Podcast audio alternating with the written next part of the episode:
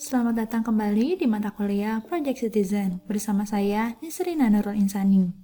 Kali ini kita akan membahas mengenai apa dan mengapa proyek belajar karakter. Karakter sering diartikan sama dengan akhlak, budi pekerti, dan bahkan moralitas, menyentuh bagian yang terdalam dari hati manusia. Jika seseorang dikatakan berkarakter baik, maka ia memiliki ketulusan hati yang terpancar secara nyata dari gerak-gerik, tutur kata, ekspresi wajah, maupun bahasa tubuh lainnya.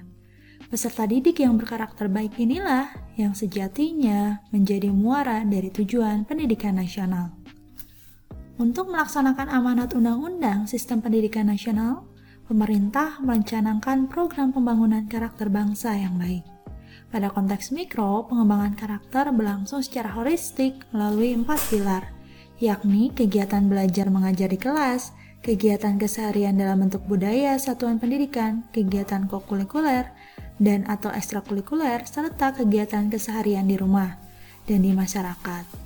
Dalam konteks ini, satuan pendidikan adalah institusi yang berperan penting dalam menginternalisasikan karakter kepada peserta didik melalui tahapan pemberian pemahaman, moral ekonomi, pembiasaan perilaku berkarakter, moral training, dan pembakuan karakter dalam perilaku sehari-hari, moral behaving.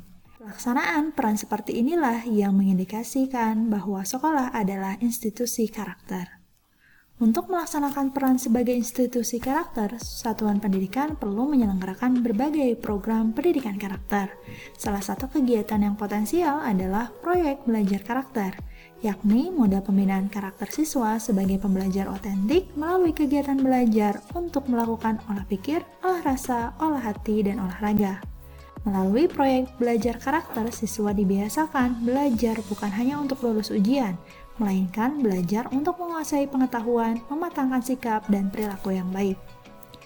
Proyek belajar karakter adalah pembelajaran proyek dengan muatan substansi atau ide untuk memecahkan masalah dengan menggunakan pendekatan saintifik.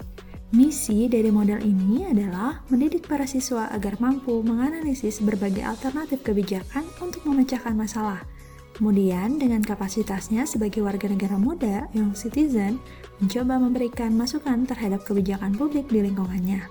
Hasil yang diharapkan adalah kualitas warga negara muda yang berkarakter sebagai pembelajar otentik. Karakteristik dari model proyek belajar karakter ini yaitu 1. Bergerak dalam konteks pemecahan masalah secara saintifik yang berfungsi sebagai wahana interaksi warga negara dengan negara dalam melaksanakan hak, kewajiban, dan tanggung jawabnya sebagai warga negara Indonesia yang cerdas, peduli, jujur, dan tangguh, yang secara kurikuler dan pedagogis merupakan misi utama pendidikan karakter.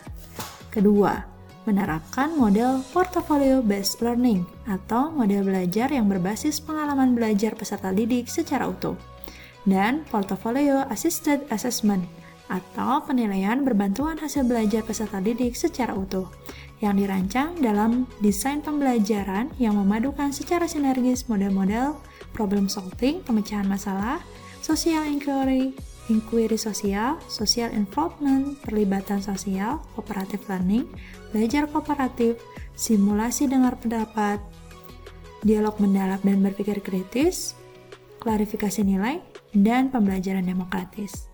Ketiga, rangka operasional pedagogis dasar yang digunakan adalah modifikasi langkah pembelajaran saintifik dengan langkah-langkah yaitu identifikasi masalah, pemilihan masalah, pengumpulan data dan informasi, pengembangan portofolio proyek belajar karakter untuk mengembangkan literasi baru abad 21, dan refleksi pengalaman belajar.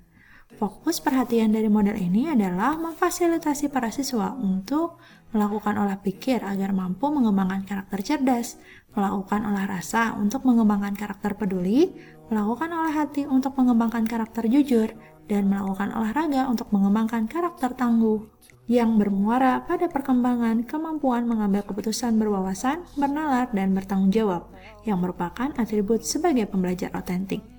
Demikian pembahasan kali ini, semoga kalian sudah memahami mengenai apa dan mengapa proyek belajar karakter. Jika ada yang mau ditanyakan, silahkan tuliskan dalam kolom komentar. Terima kasih, sampai jumpa.